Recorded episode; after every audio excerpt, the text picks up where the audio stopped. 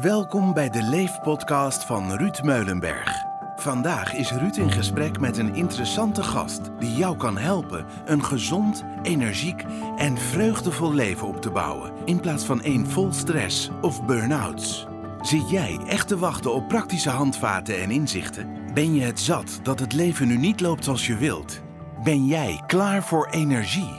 Luister dan deze podcast en leef. Ja, lieve, lieve, lieve luisteraars. Vandaag alweer een volgende podcast. En die podcast die ga ik vandaag doen met Mark Routs. Mark Routs is de coach van ons uit Venlo. En, uh, Mark en ik hebben ontzettend veel overeenkomsten. Mark is uh, gymleraar, dus evenals ik ooit ook gymleraar ben geworden. Mark houdt van fietsen en, even, en ik zelf hou ook van fietsen en met name wielrennen, lange, lange tochten maken. En Mark en ik hebben ook allebei een burn-out gehad. En ook qua karakter zitten we best wel op één lijn. Mark Routs, zeer gewaardeerde collega uit Venlo. Maar Mark, voordat we gaan beginnen, moeten wij nog één ding uitvechten samen. Wie van jou of mij is nou het snelste boven op de Alpe ja, dat is wel... Uh, dat wordt wel een uitdaging, hè? Want we hebben volgens mij al een paar keer uh, afgesproken dat ik jou kan op naar Frankrijk. Jij doet tegenwoordig heel veel Swiften. Dus dat is online fietsen voor de mensen die dat niet weten. Ik niet. Dus het is een beetje appels met peren vergelijken. Hè? En volgens mij ben je ook een jaar of uh, zeker tien jonger. Dus dat uh, speelt ook in mijn voordeel. Ja, ik zou zeggen dat ik maar eens toegeef uh, dat ik de mindere van ons twee ben op de fiets. Maar dat is natuurlijk een beetje ja, speculeren wat ik hier doe. Maar laat ik dat maar gewoon als uitgangspunt hebben.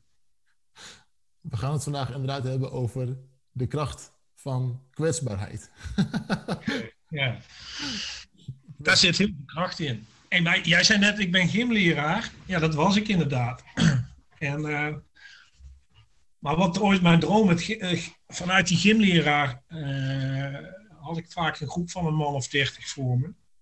En als je het dan heel goed wil doen, nou, dat lukt natuurlijk al bijna niet.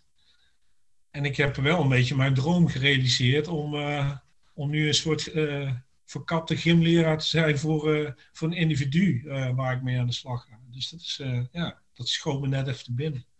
Mooi. Dus in de context ben ik nog wel een beetje gymleraar. Leuk man. Leuk hè? Ja, dat gymleraar zijn, dat is toch een ding. Um, ik ga even de luisteraars meenemen naar, uh, hoe lang is het geleden, Mark? Twee jaar geleden? Nee, ik ben uh, ja, twee jaar geleden, uh, goed twee jaar en een paar maanden geleden leerde ik jou kennen.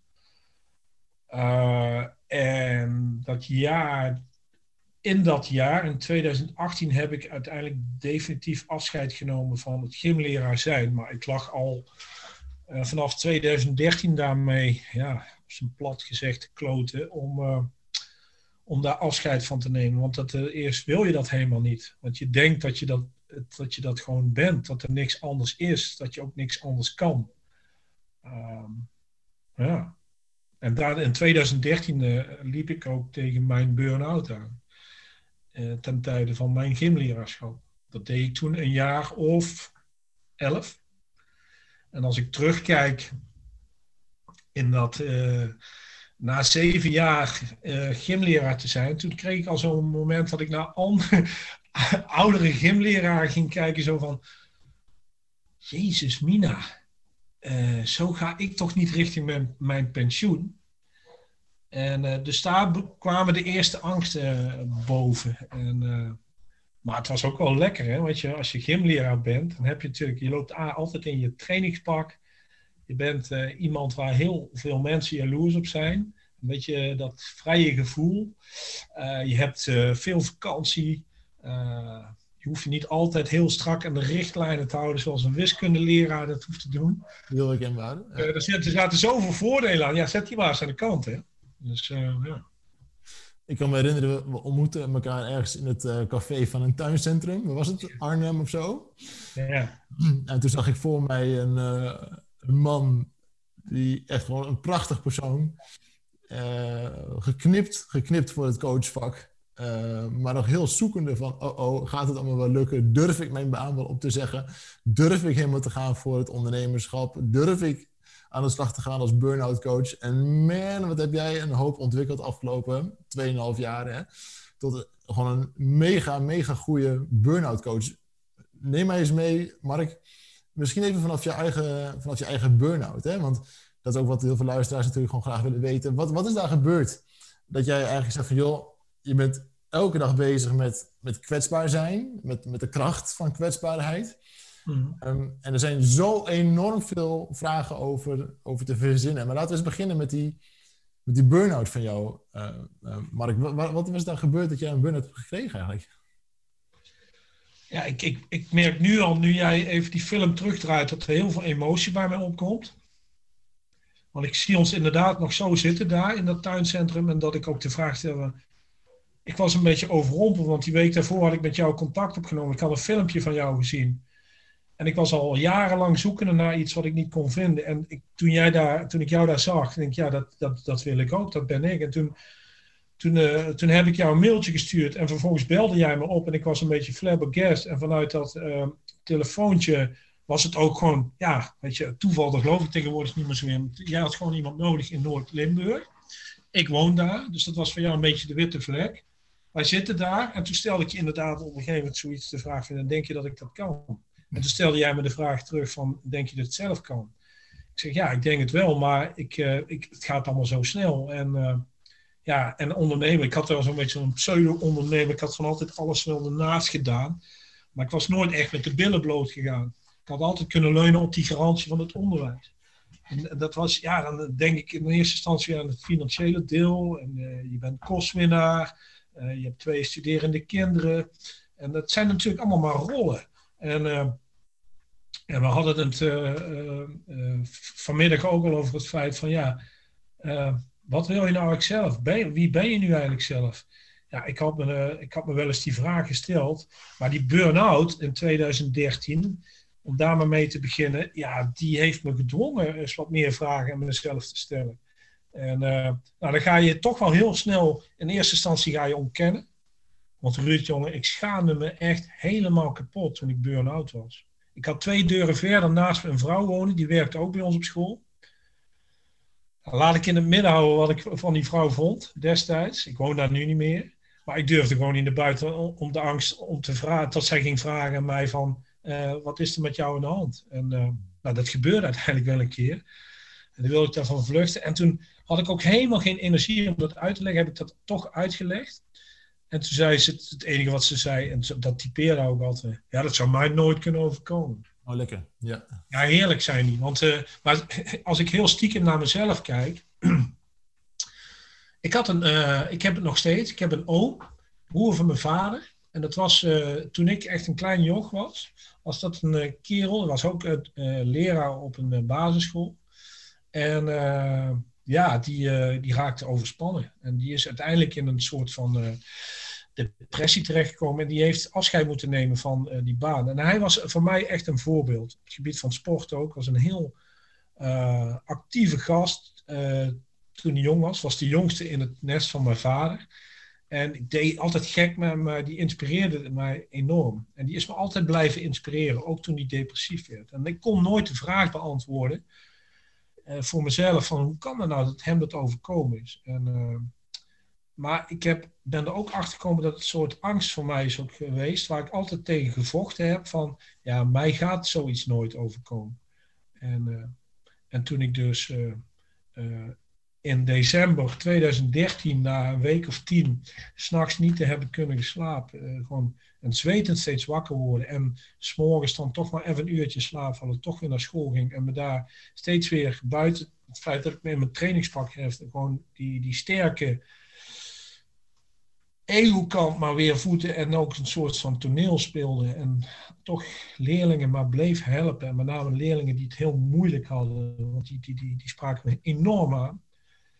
Uh, ja, toen knapte ik op een gegeven moment. Toen, ja, toen, uh, dan moet je bellen hè, op een gegeven moment van ik ben ziek. En dan weet je niet wat er met je aan de hand is. Maar je weet wel dat het gewoon niet goed is. Ja. En dat al te erkennen, ja ja, je merkt nu al aan mijn praten, dan ga je weer terug naar, uh, naar diepe kelders. van die grote, sterke gymleraar. Ik, ik ken het wereldje als geen ander. Je staat als gymleraar af en toe best een beetje boven de materie haast. Je kunt daar doen laten wat je wil. er wordt ook wel tegen, tegen je opgekeken. In de kantine van de school zit je met andere leraren aan de tafel. Hè? Je hebt een eigen soort eigen, je, eigen level. Ja. Maar moeten toegeven dat het gewoon niet meer gaat. Dat het echt gewoon, ondanks alles wat je hebt willen bewijzen, dat het gewoon niet meer wil. Ja ja, absoluut. En ik heb ook uh, ben erachter gekomen.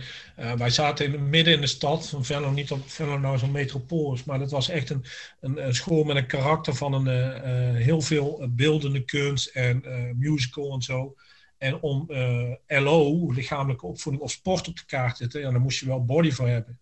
En ik kwam van die andere school uit Blerik. En daar had ik uh, met een paar collega's, uh, hebben daar ook echt enorm veel stof doen opleiden. We zijn op een gegeven moment sportklassen begonnen. En echt een soort klein imperium neergezet. Maar toen ik uitgewerkt was en toen ik dus naar andere docenten ging, kijken en me ging ergeren aan het feit dat die dat niet brachten wat achteraf, want ik achterkom dat dat niet brachten wat ik verwachtte, wat ik wilde.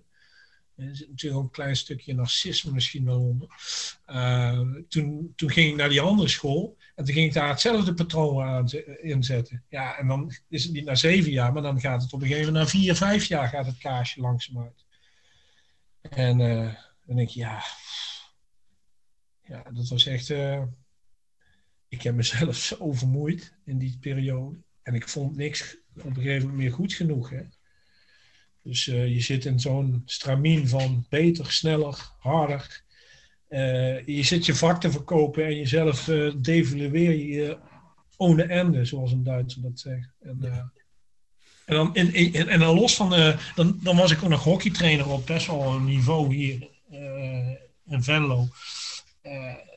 op een gegeven moment ben ik met mijn school een regeling aangegaan dat ik gedetacheerd werd voor voor uh, twee dagen in de week naar die hockeyvereniging. En dat, uh, dat eerder één team doen. Nou ja, weet je, en als je een team gaat coachen, en zeker zoals ik het wil doen. Dat, ik ben trouwens ook helemaal anders naar coaching gaan kijken dan van hoe ik het toen deed. Ja, toen was ik echt een sturen. En uh, ja, toen zet je, stuur je nog wel eens af en toe, maar meer, je bent meer een faciliteren nu. En, en dan ging ik daar vol erin. En dan ben je eigenlijk ook gewoon vijf tot zeven dagen in de week bezig. En dan, en dan zat ik nog eens op mijn uh, wielrenner, hè, waar, waar, we straks over begonnen. En dan wilde ik die Alpe of ik wilde van Italië terug naar Nederland fietsen. En ja, weet je, die, die, die, die, die banden van mijn fiets, die sleten harder dan de banden van mijn auto. En, uh, en als er dan iemand uh, die daar zo fronsend over aankeek en dan was ik, nee joh, ja, investering. Ja, dan ben je op meerdere vlakken ben je gewoon uit het holen. En, ja, en dan merk je op een gegeven moment, uh, ik kreeg het op mijn manier, ik sliep niet. En uh, ja, je wordt uh, kort geknupter. Je, je, gaat op een gegeven moment gewoon dingen niet meer kunnen. En, en, en, dat dan toe te geven. Ja. Ja, en, en, toen jij mij zei van, ja, van we gaan eens een podcast doen. Ja, toen wilde ik het heel graag over kwetsbaarheid gaan hebben. Want goed, dat heeft me zoveel gebracht om met mijn kwetsbaarheid aan de slag te gaan dagelijks nog. Ja, nou, ja, ik ben je gewoon heel dankbaar dat je mij toen dat, ja, dat vertrouwen, de ruimte en ja, ja, dat is geweldig. En ik, ik, ik, ik ben ja, dankbaar en, uh, uh, en kwetsbaar tegelijk nog altijd. En dat biedt me heel veel. Weet je wel, man. Ja. Maar ik hoorde je net ook zeggen van, je had altijd de wens om andere, om de leerlingen weer te helpen. En, en ergens zit er natuurlijk een enorme tegenstrijdigheid in. Dat je aan de ene kant zegt, kijk, ik wil alleen maar presteren, presteren. Aan de andere kant, en zo ken ik je ook, er zit er ook een enorm warm hart. Hè, um, wat, wat heel groot is voor mhm. iedereen. Hè? Ik heb, je gaat altijd 100% voor iedereen, ook voor de klanten die je coacht. Hè? Mhm. En, um, maar dus ook voor de leerlingen die je les gaf. Ja. Dus aan de ene kant het enorme presterende en aan de andere kant het hele warme betrokkenen. Hoe, hoe zit dat, Mark? Ja, een teamleider van mij toen, dat was ook een gymleraar. Ja, die deed alleen nog maar bureauwerk. En dan had hij ook nog een mening over uh, hoe ik het moest doen. En, uh, en ik, ik, ik, kon hem heel goed velen als, als collega. Maar soms ging die mij enorm op in, mijn allergie. Dan ging die mij ook nog even zeggen wat moest. Maar die zei ook altijd tegen mij van... Ja, die, die, het voelde een soort discrepantie, weet je wel. Dat, uh, maar ik, ik heb het allebei in me zitten. En ik moet het dan ook allebei... Of ik denk ook dat het belangrijkste dat je het voedt. Maar je kunt het nooit tegelijkertijd voeden. En dat is ook een kwestie van acceptatie uh, bij mezelf. En en daarnaast wij doe ik nog graag organiseren. Want ik heb ook al eens wat ideeën bij jou uh, over de telefoon gegooid of op de e-mail gezet. Van denk ja, dat moet eruit. Dat wil ik samen met Ruud gaan doen. En als je me dan een paar goede vragen stelt, ja, dan denk ik, of het is niet, niet het juiste moment, of het kan misschien nooit. En die acceptatie is er veel meer. Dus dan krijg je veel meer focus. En wat ik wel ben gaan merken, kijk, met de leeftijd ook. Ik ben nu 51 en van de andere kant moet je het ook weer loslaten. Merk je wel door een stuk levenservaring. Uh, bij mij is er een verschuiving uh, gaan plaatsvinden van, van uh, kwaliteit, of van kwantiteit naar kwaliteit. Dus naar diepere lagen. En dan moet je zelf dus schijnbaar ook dieper. Dus als, als je dus iemand wil helpen op dieper niveau, wat ik in het onderwijs ook de behoefte had. En ik wilde dat ook lekker veilig doen. Dus ik vroeg stiekem aan mijn werkgever, ja, laat me dat maar hier gaan doen. En ze hebben me best wel veel gefaciliteerd. Maar ze konden me nooit bieden wat ik nu met jou samen doe. Of zelf doe. Daar moet je gewoon glad ijs op. En je moet dat gewoon gaan doen. Maar ik weet nog vorig jaar dat ik jou belde. Want je sprak straks over dat we in het tuincentrum toen zaten. En toen, ja, ik was geen ondernemer. Nee. Ja, dan gaat het een tijd heel goed. Vorig jaar zijn we verhuisd. En en toen was alles goed en wel hier klaar. En ik had geen trajecten, weinig trajecten lopen. En ik ging me in één keer keihard de vraag stellen: oké, okay, de coach ik heel graag, maar als ondernemer dan, hoe krijg ik dat voor elkaar? En ik zag het als strand. Ik wilde, wilde alweer in mijn oude patroon naar een baan gaan zoeken. of erbij. En er was geen focus meer. En, en ja, weet je, en toen kwam ik ook een paar vragen van jou of van collega Mieke achter van, weet je, jouw eigen radio moet uit. En ga nu weer eens even of, uh, focussen op hetgeen waar je, hè, weer focussen waar je echt van aangaat. Nou, als je dat dan weer te pakken hebt. Maar ik moest me toen ook weer kwetsbaar opstellen. En ik heb jou toen gebeld. Ja, ik zie het gewoon even niet meer zitten. Nou, bij jou valt dat kwartje dan. En uh, een paar weken later bracht je me in contact met iemand binnen onze club. Nou, dus bleken dat ook wel een paar te zijn. En dan, uh, dan, dan stoei je daarover en dan ga je dus ook even weer wat dieper. En dan kom je weer tot bepaalde kernen. En als ik me nou zo praat, het zijn allemaal abstracte termen, maar ja, dan. Uh, en het moet vooral eenvoudig blijven. Ik heb net, dat wil ik als voorbeeld gebruiken, want dat was net echt super gaaf. Ik had een uh, uh, eerste coachsessie met een, een, een, jonge dame uit, uit Midden-Limburg. Ik had vorige week een eerste kennismaking, intakegesprek met haar gehad. En zij belde me op en zei: Ja, Mark, ik had zo'n fijn gevoel bij ons gesprek. En ik denk echt dat je mij verder kan helpen. Dat gevoel had ik ook. Tegenwoordig durf ik dat ook gewoon uit te spreken. Dat is ook al zoiets. Hè? En nou goed. En zij begint op een gegeven moment te zeggen: wat, wat is er nu eigenlijk met mij in de hand? zei ze vandaag. Ik zeg: Van waar die vraag? Uh, ja, ik wil eigenlijk weten waar ik aan toe ben. Ik zeg, voel je dat niet dan? Uh, ja, wat bedoel je? Ik zeg, hoe voel je je op dit moment? Ze, ellendig. Ik zeg, dan wil jij weten wat er met jou aan de hand is. Dan ben je er toch ellendig aan? Ja, ja. En toen begon ze over het feit dat ze met haar leidinggevende contact had en dat ze, ze deden alles aan om te verbloemen dat ze zich ellendig voelde. Want ze wilde ook niet tot de collega's, want over, volgende week wordt ze geopereerd in de hand. En dan, mocht ze, dan kon ze tegen haar collega's zeggen van, uh, ja, dat is dan legitiem. Ja. Nou, ik zeg lekker. Dus uh, ik zeg, je bent gewoon nu het ontkennen dat je er gewoon ellendig aan bent.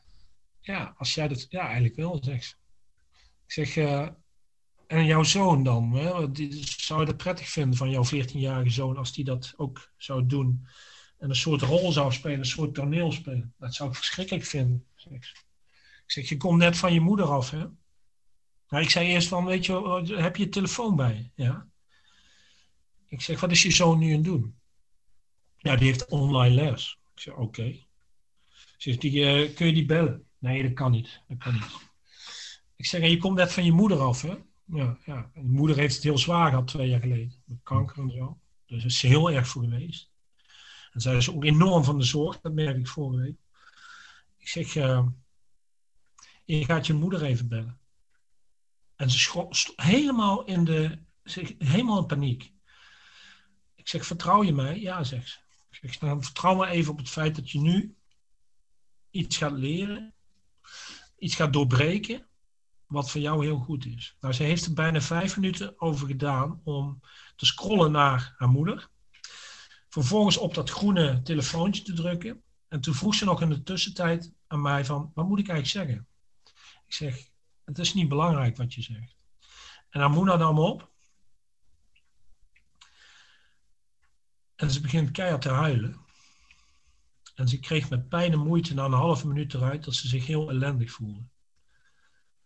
En haar moeder, die reageerde zo warm, zo fijn. En die gaf van alle dingen aan. Die zei, ik vind het vervelend dat ik dit gewoon een jaar niet heb gemerkt. Maar ik vind het zo fijn dat je mij nu belt. En dat was zo'n fijn gesprek. Ze zette hem op een gegeven moment op de luidspreker. Hmm. Toen heb ik mijzelf even voorgesteld. En die moeder die, die, bracht, die kwam meteen met een heel kwetsbaar verhaal. En we hebben daar met z'n drieën, ja, ik heb ook brokken mijn keel tranen in mijn ogen. En toen keek zij me op een gegeven moment aan ja, dit is wel zo gaaf, zegt ze, dat ik dit nu heb gedaan. Maar het kost ook heel veel energie op dit moment. Ik voel me nu heel leeg. Ik heb heel hard gewerkt. Ik zeg, nou, we hebben vandaag hebben we genoeg gedaan. Maar het was, dan zit je daar in ijskoud aan de Maas. Ja, en dit, en, dus terugkomend op eenvoudig. Je, is dan nog een hele wetenschap belangrijk? Als je het gaat onderbouwen misschien, maar dit is gewoon doen. En gewoon ervaren. Dit heeft ze ooit wel eens gedaan. Die hulpbron heeft ze in zich zitten. Nou, ik mag daarmee helpen. En ik zit ook tijdens dat, weet je wel, dat, ja, ik zei straks dat coachen dan niet meer zo sturen. Dus toen heb ik, net heb ik wel even gestuurd, ja. En dan druk ik echt even door op dat pijnpunt. Ja, en, en, en voor nu is het goed. En ik denk dat ze, ja, dat ze hier heel ver mee gaat komen. Ja. Mooi. Maar daar moet ik ook voor bij mijn eigen kwetsbaarheid kunnen komen. Nou, Mark, als, als je nou die, in jouw eigen geval, wat, is de reden dat je, je, in al die tijd, hè, ik heb je daar vaak over horen spreken, wat maakt er nou voor jou dat je, dat je zei van, joh, ik durf me niet kwetsbaar op te stellen? Uh, ja, weet je, ik denk ook een stukje rolmodel. Ik, heb, uh, uh, ik weet wel eens dat. Ik heb mijn vader en moeder heel hoog zitten. die leven allebei nog. Die zijn de 70. mijn moeder kan dat wel. mijn vader, in mijn vorm zoals ik kwetsbaarheid zie, vindt dat een stuk moeilijker. Ehm, ik heb vaak gezien dat hij dat nou, niet zo zei, maar dat hij dat meer deed. Zo van ja, man mag niet huilen. Of ik, ik, weet nog wel eens dat ik, uh, toen Louis van Gaal met Ajax destijds in die glorietijd kampioen werd een keer. Toen is zijn uh, eerste vrouw overleden. En toen werd hij op een hele fijne wijze door de jongens van de boer, hm. kreeg hij een cadeau. En toen schoot hij echt enorm in de tranen. En, en toen merkte ik aan mezelf, toen zag ik hoe mooi ik dat vond. Maar hoe hard ik mijn best deed om dat te onderdrukken, omdat mijn vrouw naast me zat, omdat zij dan maar niet aan, tegen mij kon zeggen van, wat is er met je aan de hand, weet je? Het is zo ongemakkelijk. En ik denk ook dat het een beetje, en daar wil ik het echt niet meer afschuiven, maar dat heel erg in een prestatiemaatschappij zit. En dat wordt alleen maar meer. Dat wij niet zo geleerd krijgen uh, hoe je kwetsbaar dient op te stellen. En dat het wel een deel van je is. Uh, ons, ons, uh, we beginnen straks over school. Dat is ook uiteindelijk wat mij heel erg veel energie heeft. Is dat ik me heel moeilijk kon conformeren met het systeem dat iedereen door diezelfde molen wordt geduwd. Om uiteindelijk aan eh, normen die de wet dan stelt, of die de minister van Onderwijs uiteindelijk een handtekening verzet. En iedereen moet op het VMBO, op het VWO of op de HAVO aan een minimum uh, voldoen. Ik geloof juist in het feit dat je begint bij, hoe jong ze ook zijn, dat, dat je dient te vragen als ouder zijnde van, en dat je aansluit waarom een kind zoveel vraagt, dat je dat vooral de ruimte biedt. Hè? Maar ik heb bij mezelf gemerkt toen ik vader werd, en mijn kinderen zijn inmiddels 21 en 19, als mijn dochter uh, vier keer waarom vroeg, dat ik bij de vijfde keer zoiets had, hey, uh, stop er eens even mee, uh, ik moet door. Maar dan was het, ja, dan zat ik al in een bubbel van, ik moet zelf of op dat gebied of op dat gebied gas geven. Dus ehm, ik heb laatst ook een stuk gelezen dat, dat een mening hebben, dat dat ook gewoon veel meer adrenaline aanmaakt dan dat je een vraag stelt.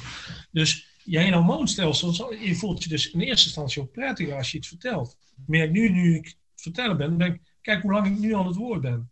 Dus dat, dat maakt dus ook een bepaalde energie aan. Dus uh, een vraag stellen, ja, weet je nog dat je vroeger in de, in de, in de, op de basisschool zat en dat je je vinger omhoog stak en dat je al mensen zo naast je hoorde van, ah, hij weer. Ja, dan hoor je er niet bij, hè? Dan hoor je er niet. Dus dat wordt heel erg de kop ingedrukt. Dus, dus je mag niet vragen als je iets niet snapt. En als je dan die vraag had gesteld en iemand zei: Jezus, dat jij dat niet weet. Daar zit natuurlijk wel wat in. Maar dat wordt wel ook een beetje gevoed door onze uh, ja, structuur die we hebben, onze prestatiecultuur. En, maar ik denk echt dat we wel richting een kentering uh, zijn aan. Maar dat kan ook in mijn eigen belevingswereld zijn. Maar ja, Ruud, ja, kan ik jou beter vragen. Maar kijk eens hoeveel mensen er vastlopen. En nu worden ze stilgezet door corona. En ze moeten eens gaan nadenken over zichzelf. Of ze kunnen hun rol niet doen. Of niet in de setting doen waar ze normaal doen. En ze gaan in één keer over zichzelf nadenken en piekeren. En ze lopen gewoon. Ze staan gewoon alleen maar stil. Dus lopen ze vast. Ja. Maar Mark, wat, wat is dat dan volgens jou? Want ik zoek een beetje het, het contrast tussen... Uh, wat is nou... Wat is eigenlijk het, het tegenovergestelde van kwetsbaarheid? Uh, een vorm van uh, werken aan je ego. Dus het hooghouden van ego? Ja, hooghouden van ego. is het eigenlijk alles wat, wat social media doet, uh, Mark?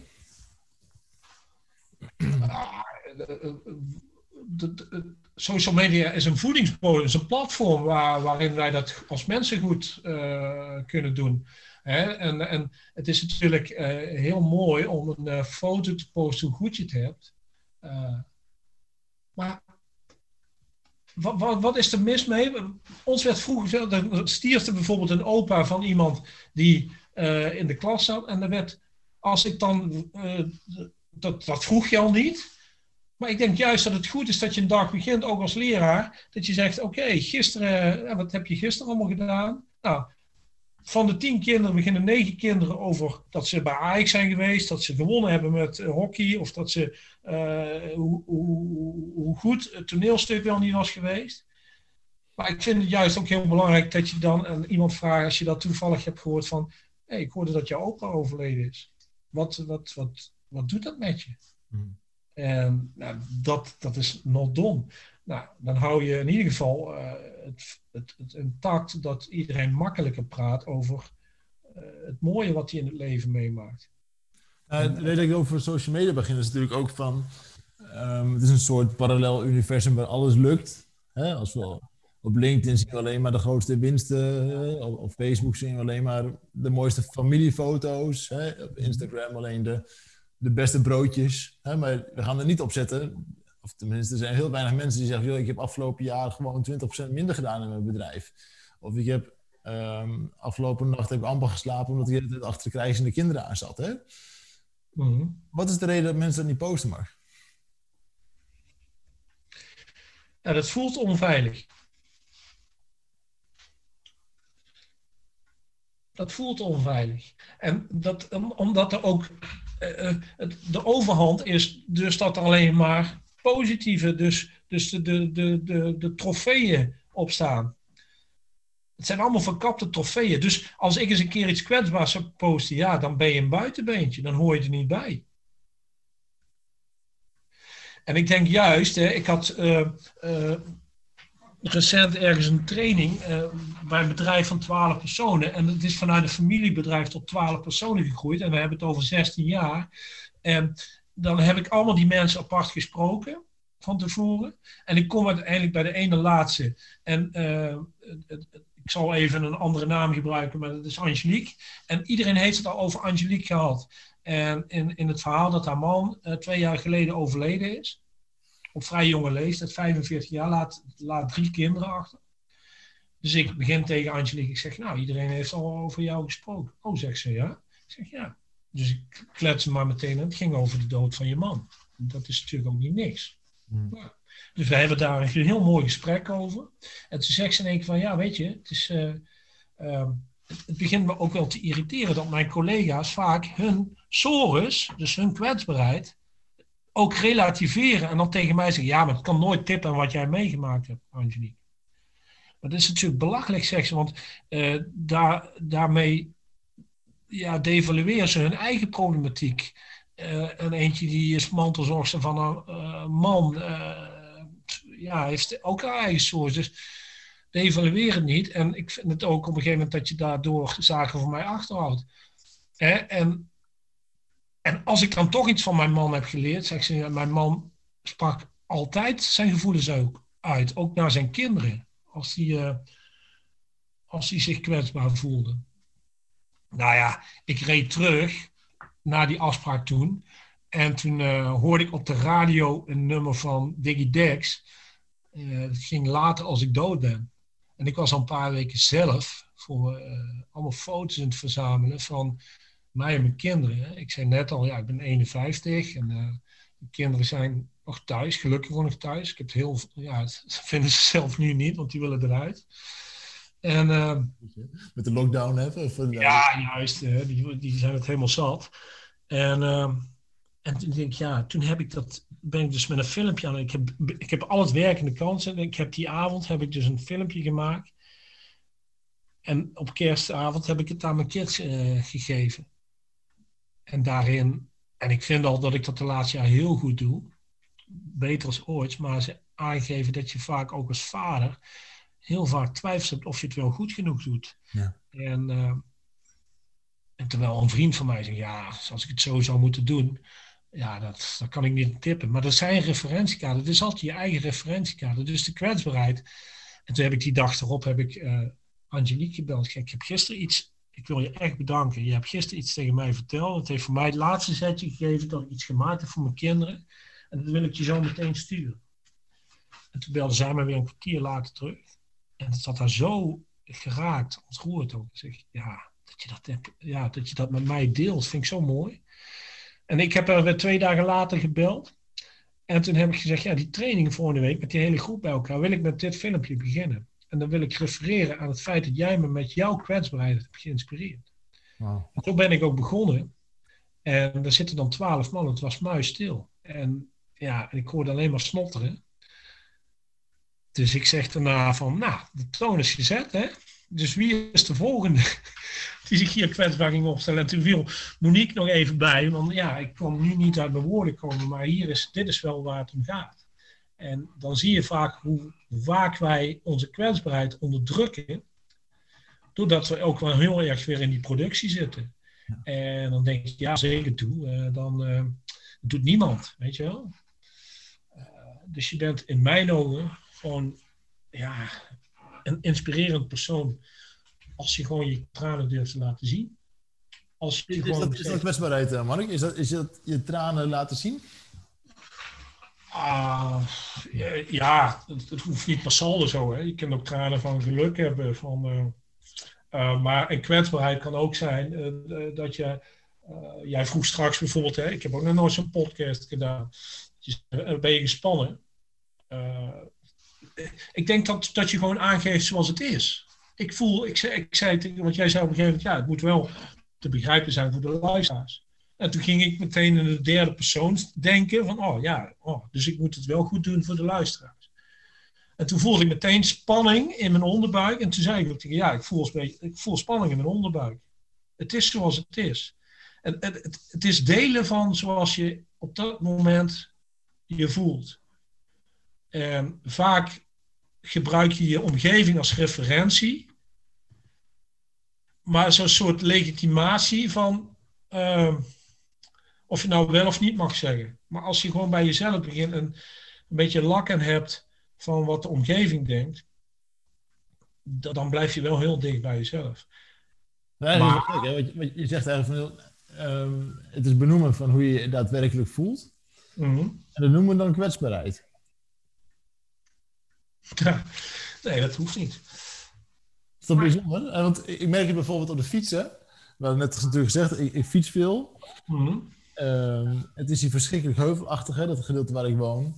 Ja. En dan zijn er wel eens van die momenten dat hij dan met een slecht gemiddelde thuis komt. Tenminste, in mijn referentiekader wat slecht is. Hè? Ja. Het, het is gewoon niet mogelijk om altijd maar volle bak te fietsen. En sterker nog, dat is helemaal niet gezond ook. Hè? Dat weten we allemaal. Nee, maar als je het ook zo vraagt, en dan denk ik ook, het is meer een vorm van balans. Kijk, ik ben er wel achter gekomen, zeker vanuit mijn eigen uh. Maar alle coaches van ik heb, ik, ja, ik heb dus ook de afgelopen twee jaar volgens mij al iets van 70 mensen mogen uh, helpen. Als ik daarover terug denk, jezus man, 70. Maar dan heb ik dus, ik zie steeds een patroon van uh, dat het lijf gewoon veel slimmer is als onze mind. Onze, onze gedachten. Hè? Ik, ik hoor gisteren dan ook iemand zeggen van, ja, uh, nou, ik ben nu weer uh, uh, fulltime bezig. Hè. 24 mei, ik weet het nog goed, belde hij me voor de eerste keer op in 20.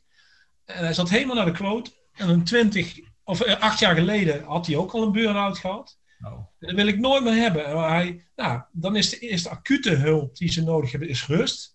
Nou, en dan, dan krijg je dat en je herstelt altijd.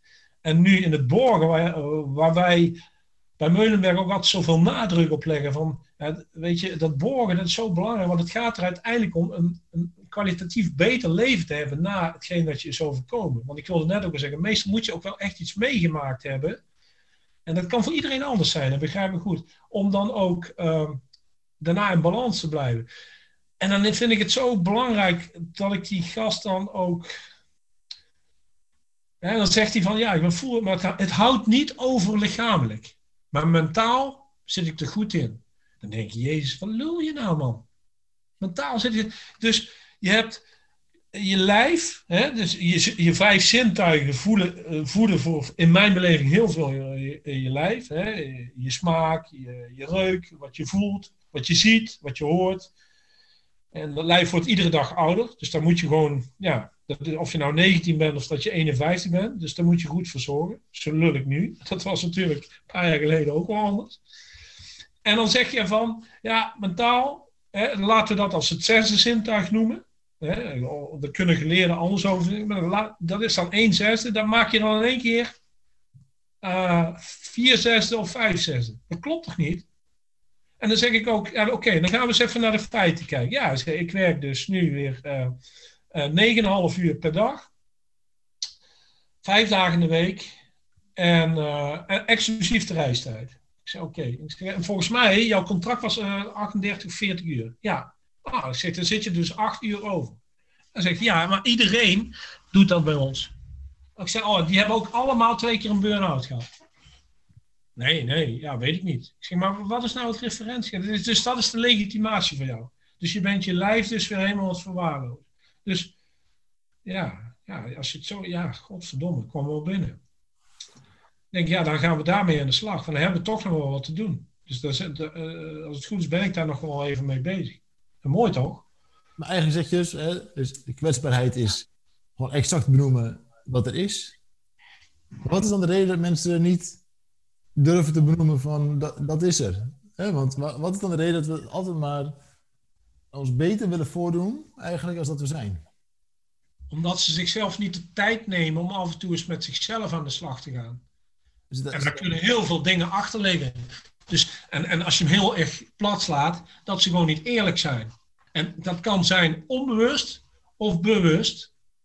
Um, En soms missen de mensen de tools om eerlijk te kunnen zijn.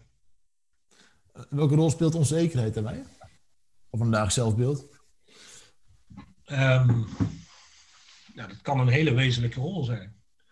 Maar waardoor komt onzekerheid? Dat is een goede vraag. Want als je elke keer iets hoog wil houden wat er niet is, en elke keer de deksel op je neus zet, dat, dat, dat werkt niet bij je, je positieve zelfbeeld natuurlijk. Nee. En wat is zekerheid, hè? Het, uh... het enige ding wat zeker is, is dat alles continu verandert. Ja, dat is het wel, ja. Dat is het echt. Uh, ja, dat straks over John Mayer. Ik vind dan uh, Bos ook zoiets wat door de jaren heen steeds meer bij me binnenkomt. Dat begon ooit met papa. En ik heb het straks over mijn vader gehad. En mijn vrouw zegt steeds meer van, ja, je wordt steeds meer je vader. En daar heb ik ook lang tegen gevochten. Maar ik heb natuurlijk een deel van mijn vader en een deel van mijn moeder. En weet je, als je dan iets vecht tegen iets wat er is, dus dat heeft te maken met een stuk acceptatie. En als ik Stef Bos over een vier hoor zingen, die is nooit hetzelfde. Maar in, in ons brein, schijnbaar, daar heb ik dus ook dus, een stuk van geleerd of gelezen. Ja, het sprak mij aan, dan leer je erover. Nou, dan denk ik, ja, dan zegt onze linkerkant van ons brein, ja, een rivier, onze taal. Nou, dus dat is een vast gegeven, dat slaat het op. Maar als je vanuit je zintuigen ernaar gaat kijken, dus vanuit je rechterkant, dat je ook echt bezig bent met die balans. Hè? We hadden het straks over een balans tussen mentale, fysieke, spirituele en emotionele. Dat je dan, en dat wordt altijd, het werd in generaties voor ons een beetje, ja, er zijn heks op de brandstapel gegooid. maar dus met terugwerkende kracht moeten ze die er nu uit gaan uh, halen. Want uh, die hebben denk ik wel spiritueel iets gevoeld wat waar, of waar mensen toen nog niet aandurfden. Nu denk ik wel eens, hè, we, hebben daar wel eens vaker over gehad. Hè? Mensen zeggen vaak, je moet in het hier en nu zijn. Accepteren zoals het is. Daar zit ook de kwetsbaarheid hè, in het hier en nu. Maar alles in het hier en nu zit in je lichaam. Hè, alles, ja. alles, wat je nu voelt. Ja. Nou, op dit moment buikpijn hebt of hoofdpijn. Of dat je verliefd bent. Of hè, al die emoties, energie zit allemaal in je lichaam. Alles in je hoofd is verleden. Ja. want alles wat je kan bedenken, is gebaseerd op de ervaringen die je in het verleden al hebt opgedaan. En daar heb je dan nu een mening over. Ja, en soms maak je ook nog stress eh, over de toekomst aan, wat je vanuit die ervaringen van het verleden hebt meegemaakt. Ja, maar stress zit eigenlijk altijd in je hoofd en je lichaam reageert erop. Ja. Dus zodra je dan die connectie met je lijf gaat maken, dan, dan is dat daar. Hè? Dan ben je ja. nu. En het enige wat telt, is alles wat in het nu is. Want aan het verleden verander je maar niks. En aan de toekomst heb je totaal geen, geen invloed. Nee.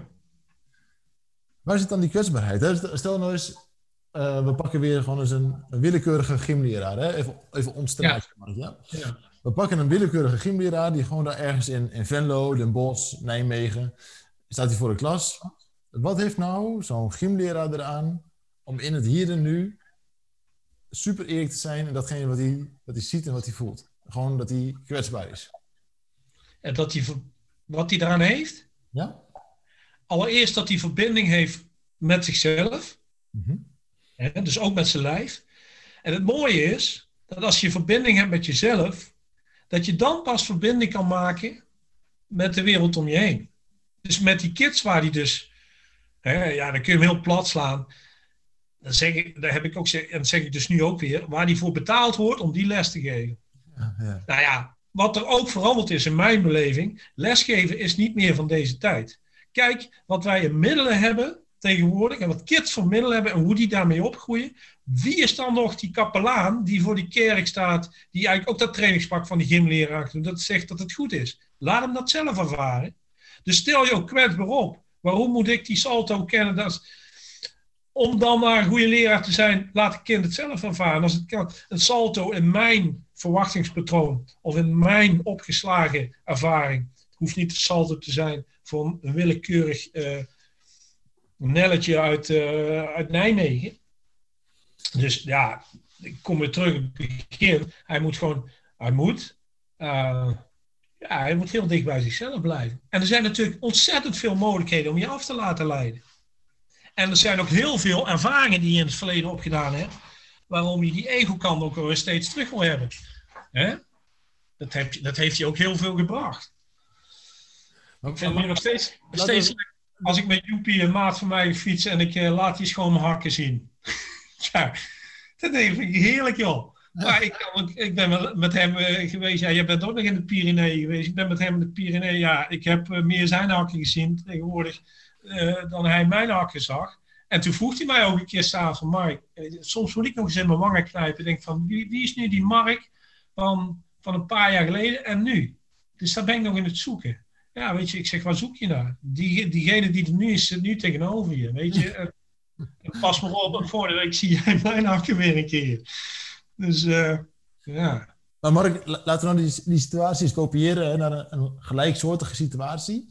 Ja. Naar een manager die een man of uh, tien, vijf tot tien aanstuurt. En die zegt, ja Mark, allemaal leuk en aardig dat, dat, um, dat kwetsbaar zijn. Maar als ik kwetsbaar ben op mijn werk, dan heb ik haast geen reden meer van bestaan, want dan word ik aan alle kanten overlopen.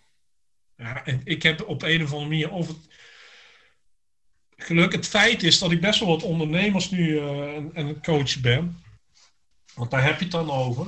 Ja, daar, uh, ik heb ooit van jou geleerd, of teksten die, die in ons métier over de mail komen. Van, ja, daar zit ook nog een stuk van een soort van voorbeeldgedrag of faalangst. Hè? En heel feitelijk is het zo. Kijk, zo'n ondernemers die vanuit een uh, situatie, wat ik straks al zei, vanuit 4 naar 12 zijn gegooid. Ooit is het bij henzelf begonnen. Ja, die hebben natuurlijk heel veel naar zich toe getrokken. En met name ook, dat gaat dan vrij makkelijk, maar ga maar eens iets afstaan. Ja, heel veel maten van mij zijn ook zelfstandig ondernemers. Voordat ik het uitgelegd heb, hè, dan uh, kan ik het beter zelf doen. Ja, als je zo op een aantal onderdelen bezig bent, ja, dan uh, ga je ook heel praktisch een situatie creëren. Dat het ook feitelijk zo is. Als het zo is zoals het nu is. En ik val uit. Ja, dan valt het voort in elkaar. Hè? Zo simpel is het. Nou, dan moet je daarmee beginnen om hem daarmee te gaan helpen. Maar dan zal het. kijk. Er zit natuurlijk ook wel van, bij, heel veel mensen. Van, joh, als ik het losgelaten van. Uh, als ik kwetsbaar ga zijn. Als ik mijn, mijn ware gevoel ga tonen. Ja. Dan gaan mensen anders over mij denken. En dan zien ze mij opeens niet meer als die kerel. dat, zijn, dat zijn werkelijkheid. En wellicht ook de werkelijkheid van zijn vader en zijn moeder. Maar dat is zijn werkelijkheid. Heeft hij de vraag gesteld aan die uh, collega's van hem of die medewerkers van, of die het ook zo zien?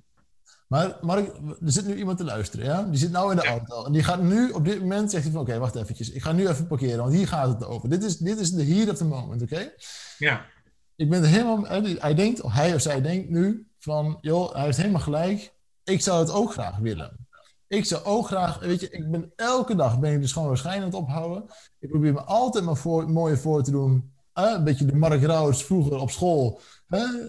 Altijd ja. met, met, met zelf te presenteren. Hoe kan ik in hemelsnaam dicht bij mezelf zijn? Hoe kan ik in hemelsnaam uh, mijn eigen zwakte tonen? Hè? Mijn eigen, ja. Ja, heel simpel. Want het feit dat hij al stil gaat staan naast de weg, dat, gaat, dat, dat, het komt dus bij hem binnen. Als, als ik een, eh, een nummer op de radio hoor wat niet bij me binnenkomt, dan rijd ik door. Of ik zet een andere zender op. Dus het komt binnen. Het feit dat het bij hem binnenkomt, dan is het een kwestie van, dan komt er een bepaalde behoefte bij hem op. Hè? Dan zeg ik alleen maar doen wat, dan, wat, wat die behoefte is. Zet de juiste actie in bij de behoefte. Dus er zit een soort van hulpvraag. Nou, dan moet je dus gaan vragen. Dan ga je, ga je vragen bij degene, misschien, en als dat op dat moment zo is, dan kun je het beter aan een vreemde vragen, zoals een mij of een jou. Hè, die, uh, die dan nu nog uh, zich profileert dat hij daar zelf doorheen is gegaan. En dat hij daar wijzer van is geworden. Nou, dan kan hij op een hele mooie afstand in beginnen zich kwetsbaar op te stellen bij mij. En als hij dat kan, dan is de eerste stap gemaakt dat hij ook zich kwetsbaar kan opstellen naar een van zijn vrienden. En als zijn vrienden dat op een gegeven moment ook, ja, als hij die stap heeft genomen, dan zou zo langzaamaan de richting zijn een van zijn meest veilige personen binnen zijn bedrijf kunnen gaan beginnen. Ja, weet je, de, je, daar, is, op? daar is geen pan-klaar antwoord op. Het is altijd een vorm van maatwerk. En het is de samenkomst tussen uh, degene, als we het over coaching hebben, als, je, als je met twee man iets gaat doen, dan knikken je allebei een, eh, een, een, een, stok voor je uit en dat is het doel. En dan ga je er met twee man naartoe. Nou, moet je daar zwemmen. Aan zo'n tegeltje wat we wel vaak delen, ook in onze groeps WhatsApp van het bedrijf. Ehm, als je achter de kudde aanloopt, loop je altijd door de stront. Hè? Die heb ik straks nog gebruikt, ja. En zo is het ook, weet je. Het voelt wel veilig, hè? In die kudde. Ja. Maar het is ook schijnveiligheid, hè? Ja. Het is, uh, maar weet je, het gaat uiteindelijk om uh, als je durft te zijn wie je bent. En dan niet het persoon wat je denkt te zijn in een soort van een parallel universum, maar die persoon die je diep van binnen voelt dat je bent. Ja. Ook durft te leven. Dat vraagt natuurlijk ook om super kwetsbaar te zijn op sommige plekken. Ga jij in een restaurant zitten waar geen hond zit? Ga je daar naar binnen? Ik niet. Ja, we hebben het van, de, uh, van een paar maanden terug een keer gehad. Ja, dat wist ik toen ook niet, want je kon het van buiten bijna niet zien. Dat was een Elspet en zo'n mega gereformeerd dorp. Dat was de topavond. Het eten was super. Uiteindelijk die mensen waren geweldig. Ja, dat weet je van tevoren niet. Maar weet je, het, het, achteraf kun je vaak de zaken beredeneren. Hè? En dat je dan, dan kun je er ook weer stress uit krijgen, wat je net zei. Maar door dingen te doen, echt doen, en dat maakt het ook natuurlijk zo krachtig wat wij doen. We houden het gewoon heel eenvoudig. Hè? Laat ik, niet, natuurlijk, enerzijds praat ik een we, maar als het niet bij mij zou passen, dan kan ik ook niet over we praten. Dus er zit een heel groot deel mij in. En dat zag ik toen al in dat filmpje. Van ik denk, goh, dat wil ik ook. En ik deed het al. Maar ik had jou nodig om, om ook uh, daar te kunnen komen. Hè? Dus ik moest eerst een verbinding met mij. Toen had ik de verbinding met jou. Inmiddels heb ik verbinding met 40 andere coaches. En ja, dan moet je ook je, daar, kies je ook uh, je, ja, je struggelaars in. Of degene die je het spiegel voorhouden. Hè? Ik heb gisteravond nog met, uh, met Mieke heb ik, uh, gebeld. Collega coach van ons. Ja, ik merk op een gegeven moment nu ook met een jongen ben ik bezig. En die wil zo graag. En die door, door, door. En die is net. En die kan niet door. Dat zegt hij ook. En ik, ik, kan heel lang de rust opbrengen. En op een gegeven moment merkte ik dat ik mezelf begon te ergeren aan hem. En toen kwam ik in het gesprek met Mieke erachter. Dat ik hem zo graag met hem wilde naar wat hij wil. En toen dacht ik, het probleem zit bij mij. Het zit gewoon bij mij. En gisteren heb ik gewoon dus dat ook maar op tafel gegooid naar die gast. Daar was hij helemaal niet bewust van. En toen het werd zo'n fijn, rustig gesprek. Denk, jezus man. Ja. En ik, ik, blijf wel steeds terugdenken aan de vraag die jij me net stelt. Is dat kwetsbaarheid of is dat gewoon balans? En ik ging straks, voordat wij deze podcast gingen uh, doen, want we zouden volgens mij een kwartier later. Ik denk, ga nog even een kwartiertje liggen, want ik zat zo vol met van alle andere dingen. En lekker. En ik zeg tegen mijn vrouw, ik ga nog even een kwartiertje liggen, want ik ga zo meteen met Ruud bellen. En toen zag ik jouw appje dat je eerder kon. Ja, dan, dan vlieg ik er gewoon in. En dan denk ik, ik weet nu dat de kans groot is, maar ik weet niet of het zo is, dat zo meteen als wij ophangen, ja, dat, ik even, dat ik helemaal leeg ben die kans is aanwezig. Ik zie het zo meteen wel. Uh, maar ik handel er wel naar wat er is. Dus uh, ja. Het grappige is ook, heel veel mensen vragen mij, Ruud, hoe kan het nou dat je parttime werkt? Tja. En dat zit hem uiteindelijk puur in, in ook kwetsbaar durven zijn. En, en het, voordeel, het voordeel van, van kwetsbaar zijn, dat je ook bezig kan houden met de dingen waar je wel goed in bent. Want ik ben echt een draak in administratie. Ik ben een draak in, in repeterend werk. Ja, als ik iets twee keer moet doen. Stel, we zouden deze podcast nog een keer moeten opnemen, dan is die lang niet zo leuk. Uh, als ik elke dag, zoals onze administratie doet, elke dag bezig zou zijn met facturen, zou ik helemaal kapot gaan. Uh, ik vind het leuk om elke keer nieuwe dingen uit te zoeken en te exploreren. En, en mijn nieuwsgierigheid drijft me overal heen. Maar hoeveel ondernemers zijn er niet, hè, waar je net op doelde, die dat ook hebben? En toch maar die dingen zijn blijven doen, ondanks dat ze personeel erbij hebben. En, doen, en op een gegeven moment, ja, daar waar ze om begonnen zijn, dat zijn ze helemaal kwijt.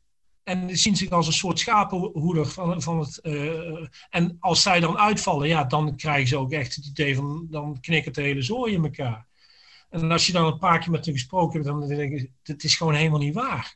En dan kom je ook erachter dat je gedachten zich op een gegeven moment gaan vormen naar jouw gedrag. En uh, dan ga je jouw gedachten zo naar geloven. En uh, Terwijl, hè, je begon straks over mij, van de contrasten die, die ik heb. Hè. Ik, ben een, ik durf, voor mijn werk ben ik best een winnaar.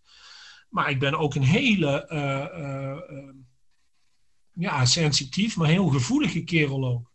Ehm, ja, dan moet daar ruimte voor zijn. Dan moet ik daar ruimte voor maken. En ik weet nog, een van de eerste keren dat wij een intervisie hadden met onze club, dat ik zei van, uh, wie maakt het ook wel eens mee dat hij in de tranen schiet op het moment dat hij een coachsessie, mag een coach dat wel?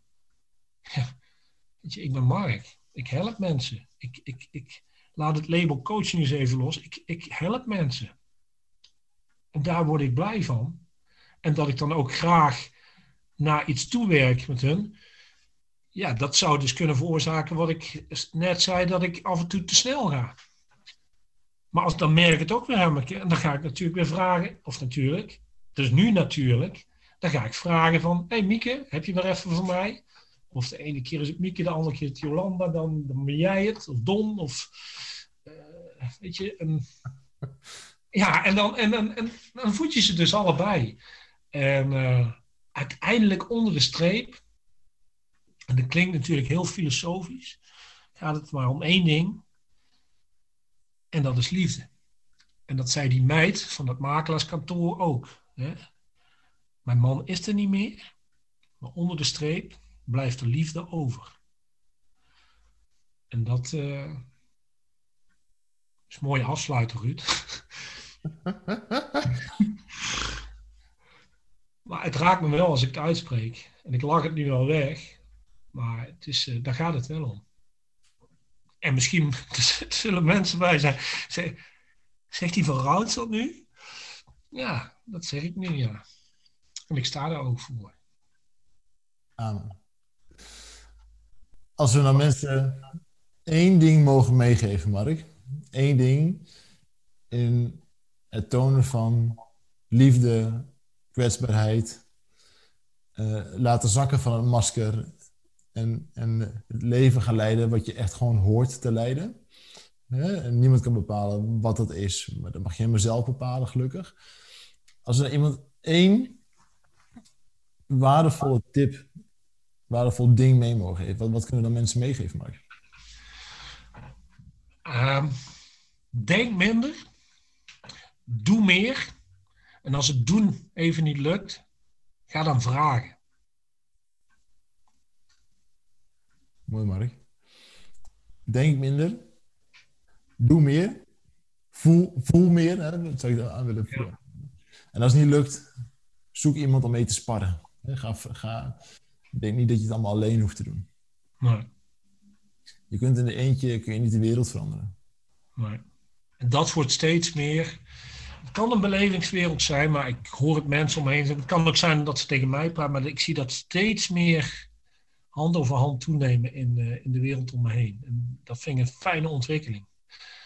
Um, ja, heel fijn. Ja, lieve luisteraars, hartelijk dank alweer. Dit was onze podcast over kwetsbaarheid, jezelf zijn en het allermooiste leven leiden waarin je van jezelf houdt en van de mensen om je heen houdt. Mark, jongen, hartstikke bedankt voor alle tijd en je openheid, jouw kwetsbaarheid die, uh, die je hebt getoond. We kijken uit naar nog heel, heel veel uh, mooie jaren samen. Ja, zeker.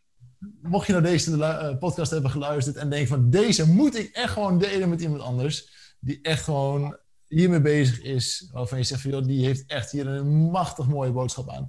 Deel hem dan alsjeblieft. Laat even een reactie of een beoordeling achter. En als je vragen krijgt over dit onderwerp, mail dan naar info apenstaatje ruudmeulenberg.nl. Dan ga ik ervoor zorgen dat je binnen 24 uur daar een reactie op krijgt, zodat we ook jou er weer mee kunnen helpen. Voor nu zeg ik dankjewel Mark. Dankjewel Ruud. Ik ga fietsen van een weekend. Jij?